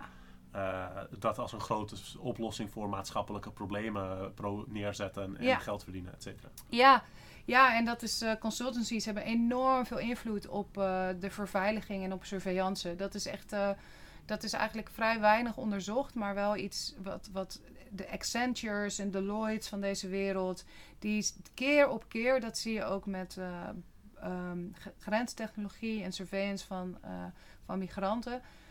Die keer op keer, eh, die drukken echt zo'n agenda door dat het een veiligheidsprobleem is. En dat we dat, dat we daar door allerlei hun technologieën tegenaan te gooien, dat we, daar, dat we dat allemaal kunnen managen en controleren. Dus die institutionele laag, die duwt ook die agenda heel erg. Ja. Eh, en dan komt het uiteindelijk bij zo'n staatagent terecht in Amsterdam, zeg maar. Ja, Ehm, maar, en die institutionele laag, ook een heel belangrijke eh, cluster daarin is eh, wat zij noemen de academic complicity. oké. Dus dat zijn universiteiten, onderzoeks, allerlei onderzoeksbureaus, Ja, ehm, die eigenlijk ook weer meewerken aan dat, ja, aan dat idee van we moeten, we moeten dit doen, we moeten criminaliteit op deze manier voorkomen. En we moeten dat met data doen. En daarvoor moeten we eh, die projecten. En dat, nou, die gaan dat allemaal onderzoeken. Die gaan dan ook allemaal meedoen aan van die leuke pilots. oh ja. Ehm, en eh, nou ja, dan heb je dus allemaal studenten op universiteiten die dus eigenlijk meewerken aan, aan, aan zo'n onderdrukkende technologie of aan zo'n super problematische technologie met allemaal racistische uitkomsten. ja, Ehm, dus daar kun je weer, ik denk dat je bijvoorbeeld in de universiteiten heb je best wel veel kans dat je daar best wel goed campagne kunt voeren van hé, hey, jullie doen mee ja, aan, het, aan, aan, aan, aan wat uiteindelijk betekent dat hier een jongen in Amsterdam, eh, weet ik veel. Ja. Weet je, dat is ja, natuurlijk een. precies. En ik denk dat dat, dat, dat, een, dat is een hele. Ja, daar, daar heb je heel veel kans om, om een beetje dat, dat, die hele ecologie te verstoren. Want dat is natuurlijk wat je uiteindelijk eh, wil. Ja, ja, ja. Ehm, ja. Vet.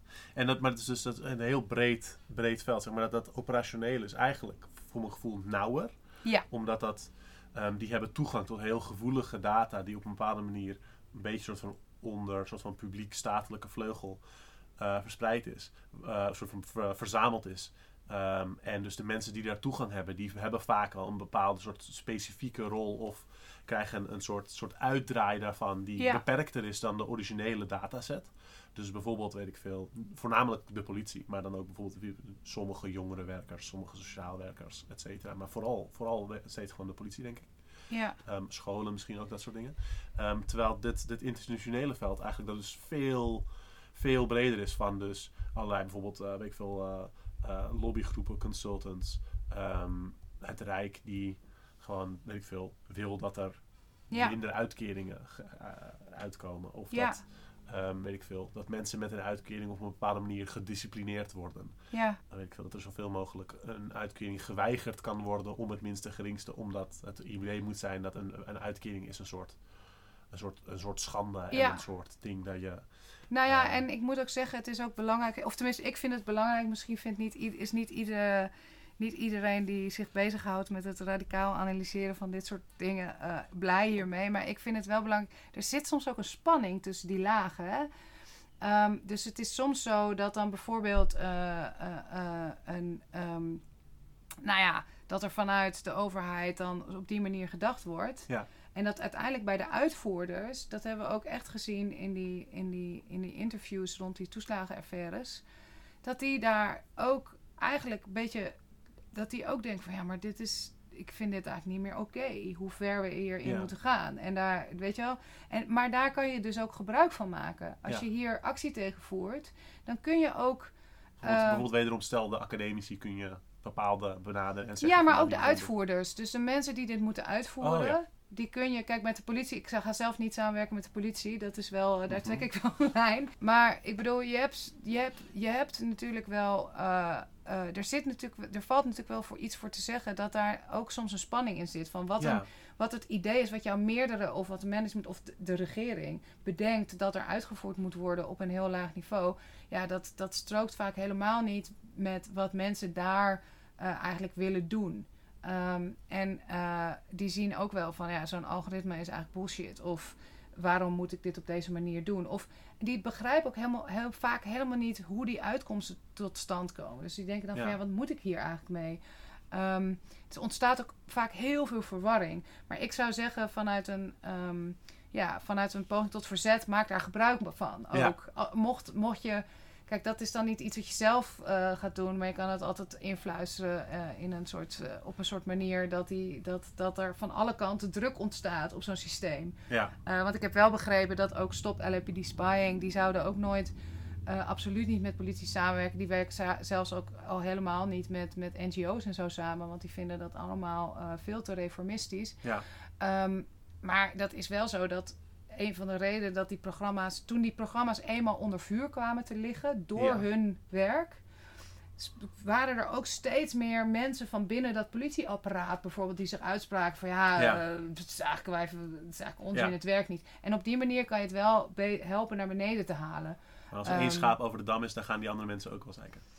Ja, en, en, en het begint, ja, precies. En het, en, het, en, en het begint wel met al die lage aanvallen. En het begint kijken van ja, waar kan je, ja, waar kan je, waar kan je zelf mee, ofwel mee samenwerken met, die, met die, eh, al die mensen die ook deze druk ervaren, ofwel eh, ja, waar kan je je aanval op Ja. richten. En dat ook weer voor hun is ook, ja, wat je dan noemt eh, narratief of storytelling. Weet je, is het, is het verhaal ook heel belangrijk. Dus als je kijkt naar de ideologie, heel veel van deze, en dat valt mij ook op, Mhm. van al jaren werken rond digitale technologie. Ik word er af en toe echt helemaal lijp van, want het begint nu weer helemaal opnieuw met ChatGPT en AI. Dat mensen hebben zo een idee dat technologie zo fantastisch is en dat technologie vooruitgang is en dat, dat, technologie eh, superieur is aan mensen. Dat is Mhm. gewoon zo. een- Maar ook dat technologie buiten, ja, buiten, buiten onze systemen staan, waar we het net al over hadden. Dat het niet, terwijl het is door mensen gemaakt. Het is een, Ja, en ook zo'n AI begrijpt niet wat het doet. Het is veredelde kansberekening, weet je wel. En daar kun je in sommige gevallen best mooie dingen mee doen, maar het gaat ons niet redden. Het gaat Nee. die op, weet je, maar steeds weer opnieuw vinden mensen het zo fantastisch en raken er helemaal door ehm, betoverd, waardoor ze gewoon niet meer zien dat er allerlei bedrijven of een staat daar, daar enorme andere belangen, zeg maar, die daar spelen, eh, aan, het, ja, aan het uitvoeren zijn. En ehm, eh, we echt een probleem krijgen als we dat helemaal eh, Ja. zo laten doorgaan. Maar dat is bijvoorbeeld een van die ideologieën, is die, dat, dat, dat, dat techno-optimisme of tech solutionism, noem Ja. je dat wel. Dat technologie van alles gaat oplossen en beter is dan, dan mensen. ja, Ehm, en daar moet je dan, dat kun je, en dat kun je ook aanvechten door bijvoorbeeld ook ja, te laten zien wat het uiteindelijk in de praktijk doet. Ja. En hoeveel schade het aanricht en hoe problematisch het is. precies. Precies. Ja, vet. En, en dit, dit model geeft dus nu, je kunt dus eh, dat, zo'n analyse maken van dat, dat landschap waarin een algoritme bestaat en wat het daar doet, wat voor schade het doet, wie het uitvoert, ehm, wie het helpt soort van eh, vormgeven of soort van begeleiden en welke en dus dan op de top zeg maar eh, welke ideologische aannames daarin zitten en door versterkt worden. En daarmee kun je dus ook soort van dan om tussen die stukken van dat landschap die je beschrijft aan pijlen zetten van oké, waar hoe loopt macht en invloed Ja, en zo. ja. En dan is het een idee van dan kun je dus pijnpunten vinden. Kijk van waar kunnen we opereren, wat kunnen we doen Ja, om eh, deze data-driven policing, om dat ja, eh, te ontmantelen, om er dat te, ja, onderuit te halen eigenlijk. Ja. Op allerlei manieren. ja, Zo, om, dat, om dat, die schade aan die gemeenschappen te verminderen. ja. Ja, zij gebruiken het echt als campagne tool, zeg maar echt om. Ja, het is echt. Ik zou echt, alsjeblieft. Eh, ze hebben ook allemaal video's eh, op YouTube staan van hun werk. Ja, en echt Ik, ik fantastisch. plaats graag alle, alle, alle links in mijn. eh, Ja, in ik zal, allemaal, ik zal allemaal links geven van deze groep en ook van goede boeken hier over dit onderwerp. Ehm, maar ze gebruiken dit echt als. het is echt een heel. ze gebruiken dit, ik zou zeggen, om, om te kijken zelf van wat, wat, is ons, wat is ons tegenverhaal Ja, tegen het dominante narratief. Wat voor counter-narrative zetten wij Ja. daartegen?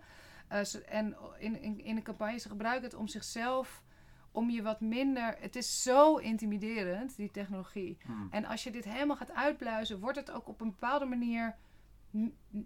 ehm, kan je het, wordt het grijpbaarder. Ja. Wordt het niet meer zo'n vaag iets Ja. wat, wat zich in een cloud bevindt. Nee, Ja, ja. het het, moet ook, het, moet om een- het moet voor het beeld, het moet een verheven ding zijn. Daar komt iets uit en dat is neutraal en Iets puur en niet menselijk. Ja. En dus dat wil, je, dat wil je eigenlijk ontdoen. Je wil het demystificeren. Je wil het demys eh, exact, je gaat het demystificeren. En niet dat experts dat allemaal voor je gaan doen. Nee, je gaat er zelf naar kijken eh, vanuit de eigen ervaring. Dus ze doen dat, eh, hè, wat is ons counter-narrative? Hoe, hoe demystificeer je dat? Hoe, hoe, hoe, en, en dan gewoon praktisch van waar gaan we campagne... Hoe zit het in elkaar? En wel, wie speelt er allemaal een rol? Ze zijn nou trouwens bezig met... ehm, om onders- onderzoek te doen naar Accenture. Want die eh, eh, hebben in, in, eh, in de VS een enorme opdracht binnengesleept om border tech te gaan maken aan die Mexicaanse grens. Want daar zijn ze nu, is Amerika daar enorm mee bezig. Ja. Nou, en dan gaan ze een onderzoek naar Accenture doen. En dan krijg ik weer een mailtje van, hey, weet jij er meer van? Nou, en dan mail ik weer Ja, iemand van Stop Wapenhandel bijvoorbeeld. Die Ja, zegt, ja, ja. hoor, ik weet, weet je. En zo, zo precies. En dan doen wij samen eh, dat onderzoek. eh, en dan kunnen zij dat gebruiken om zich weer te wapenen tegen dit soort eh, projecten. Ja. En, en dat is heel. Ik denk dat je het ook. Je, je kan het niet alleen gebruiken om een algoritme te bestuderen, maar ook om, om ofwel andere technologieën, maar ook wel om andere dingen die er, waar, waar je een campagne omheen wil bouwen, kan je zo'n ecologie eigenlijk eh, Ja. eh, rond vormgeven. En ik Het vind het. hoeft inderdaad helemaal niet alleen over een algoritme te gaan. Nee, Dit nee. soort, dit soort zo'n vierdeling tussen soorten partijen en dan de, de dingen die daar binnenvallen. Ja, en hoe ze ja. met elkaar samenwerken of eh, niet. Het is ook een. ja, je hebt ook wel zo'n soort interventiepuntenmatrix. Daar lijkt het ook wel een beetje op. Ja. Ehm, en, en ik denk dat het. eh, we hebben het nu ook een paar keer gebruikt. En het werkt gewoon heel fijn. Ook om te weten trouwens, wat weten we nog niet. Ja. Oh, oké. Dus je begint eigenlijk, je begint gewoon met dat mappen. Mhm. En dan kom je er al snel achter van ja, ik weet eigenlijk niet precies wie hier nou Ja. betrokken is bij de uitvoering. Ja. Dus dan ga je ook weer zeggen, ah, dan zoek ik dit uit, zoek ik dat uit, ga ik met die praten. Ja, ja. Of ik weet eigenlijk nog niet precies van, als je kijkt naar dat institutionele niveau, is dit iets wat, wat bijvoorbeeld door de politie zelf wordt gemaakt, door een of ander, of hebben ze daar een bedrijf voor aangetrokken? Het is natuurlijk ook best, eh, dus zij zijn ook echt heel goed in allemaal van die WOP-verzoeken en zo. Ah, ja, ja. Want dat is wel, ja, je gaat dat dus allemaal Precies, onderzoeken. Maar ook door bijvoorbeeld, ehm, dat is ook heel mooi. Ze hebben ook een hele, ze hebben ook allemaal tips van waar haal je die informatie dan als leek? Van hoe doe je een WOP- WOP-verzoek? Maar ook, Ja. Eh, ook een andere informatiebron die heel goed is om naar te kijken, is eh, vacatures van politie. Want dan kan je ook Ah. gewoon een beetje zien van wat, wat zijn, waar zijn Wat ze voor dan. mensen zoeken ze? Wat voor soort taken willen ze vervullen? Ja, precies. Ah, en wat eh, wat voor systemen moeten die mensen dan kennen? Ja, ja, Ehm, ja. Dus ik zat eh, laatst zat ik te kijken naar een paper die hierover is geschreven. Nou ja, en dan kom je er weer achter dat ze met een bepaald Amerikaans systeem werken. En dat je denkt, oh, dat is goed om te weten. Want als er dan iemand Ah, campagne ja, voert ja. op dat Amerikaans systeem, dan kunnen wij weer zeggen van ja, hier wordt het ook gebruikt. En daar dan eh, eh, op aanhaken bijvoorbeeld. Want dan kun je gewoon een soort van, soms kun je dat in de vacature gewoon in de, in de vereisten zien. Van we willen iemand die kan werken met dit systeem. Ja, Dus, ja, dus gebruiken jullie dat. Ja, ja, precies. Dus, oh ja. Ja. dus dat is eigenlijk het onderzoek. En dan, ja, ik denk misschien is het ook leuk om te eindigen van wat wij dan ook altijd doen, is kijken van wat zijn dan verschillende, wat zijn dan verschillende strategieën van verzet. Hè? Ja. Als je dan in aanraking komt met zo'n systeem. En als je er meer over weet, ehm, en één daarvan is gewoon eh, dat je is, is, is non-compliance. Nou ja, dat kan niet altijd. Dat je maar bijvoorbeeld. Wat eh, is non-compliant? nou ja, dat je niet meewerkt. Dus dat je bijvoorbeeld je vingerafdrukken niet laat nemen. Dat eh, doen Ja. sommigen van ons wel eens. Ja. Ehm, eh, dus dat je gewoon denkt van, nou ja, ik ga, ik ga weet je, op het... Maar ook ehm, een goed voorbeeld is... Als jij bijvoorbeeld als sociaal werker wordt gevraagd... om bepaalde dingen door te geven Ja. over een jongere... dat je gewoon zegt, ik doe dat niet. Ik ga die, ik ga die, die systemen in die data niet voeden. Ehm, en daar wordt ook wel heel actief campagne op gevoerd. Bijvoorbeeld in Engeland, waar je eh, de zogenaamde hostile environment hebt voor, voor eh, ongedocumenteerde mensen. Dus hier precies hetzelfde, alleen daar noemen ze het ook echt hostile environment. Gewoon zelf. Ja, eh, zo heet dat, overheidswegen. Eh, en dan moet je dus als school, bijvoorbeeld als, als leraar, moet je doorgeven als jij vermoedt dat iemand ongedocumenteerd is. Ja. En er zijn nu allemaal, eh, en dat wordt dan weer in, in zo'n, dat wordt al bij de data gevoegd en daar, weet je wel, nou, et cetera. Nou, en dan kun je gewoon zeggen van, eh, die scholen die organiseren zich gewoon om te zeggen, wij werken daar niet aan mee. Dus Ja. dat is non-compliance. Je doet gewoon Ja. niet mee eh, aan die systemen, maar ook het weigeren van je vingerafdrukken, het verwijderen van je vingerafdrukken. Eh, Dit- je, dit je zou eigenlijk de- gezichtsmaskers zou je ook als non-compliance kunnen zien. Ja, ja, ja.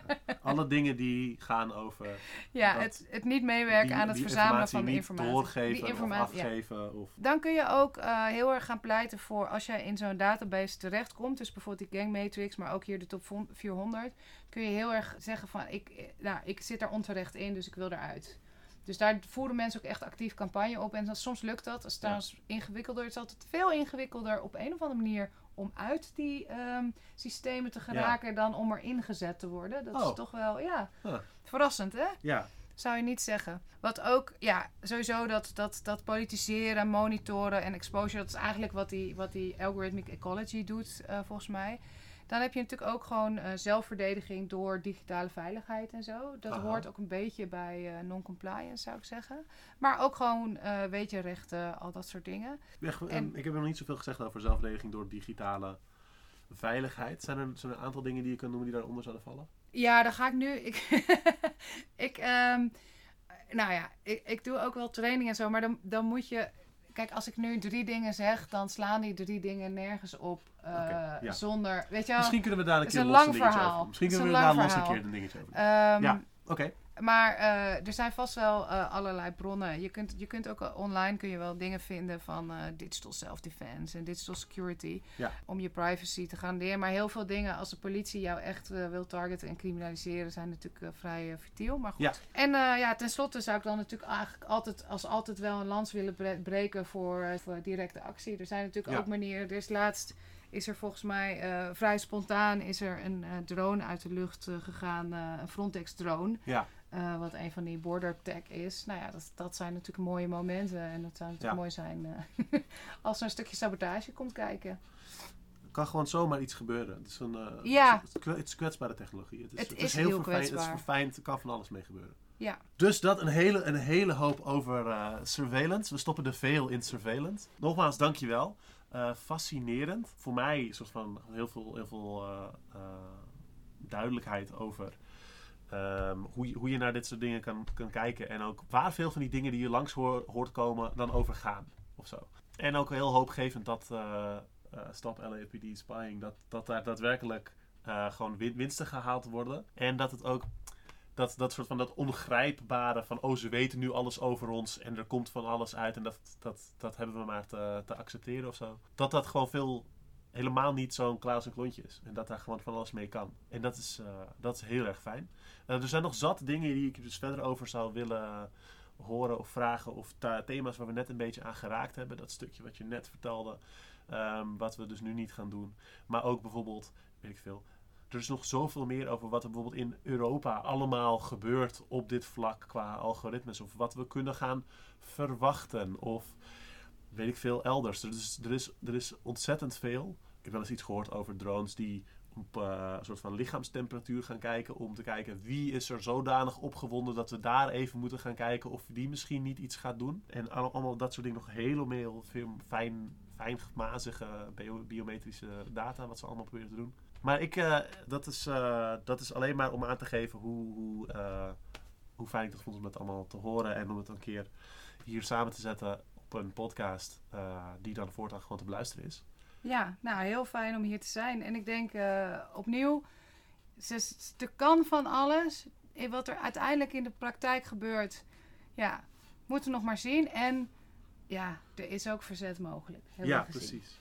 Heb je nog andere dingen om mee te geven? Dingen dat je denkt, oh, dat moeten mensen die het leuk vinden nog even nalezen. Of deze groep moeten jullie checken, want daar gaan we grote dingen van verwachten. Nou, ik zal eh, een hoop eh, literatuur eh, voor de show notes zal ik aanleveren. Van allemaal mensen die hier ontzettend goed over hebben geschreven. Over eigenlijk heel de wereld. Top. Nou, geweldig. Dat was hem dan meer. Tot de volgende maand.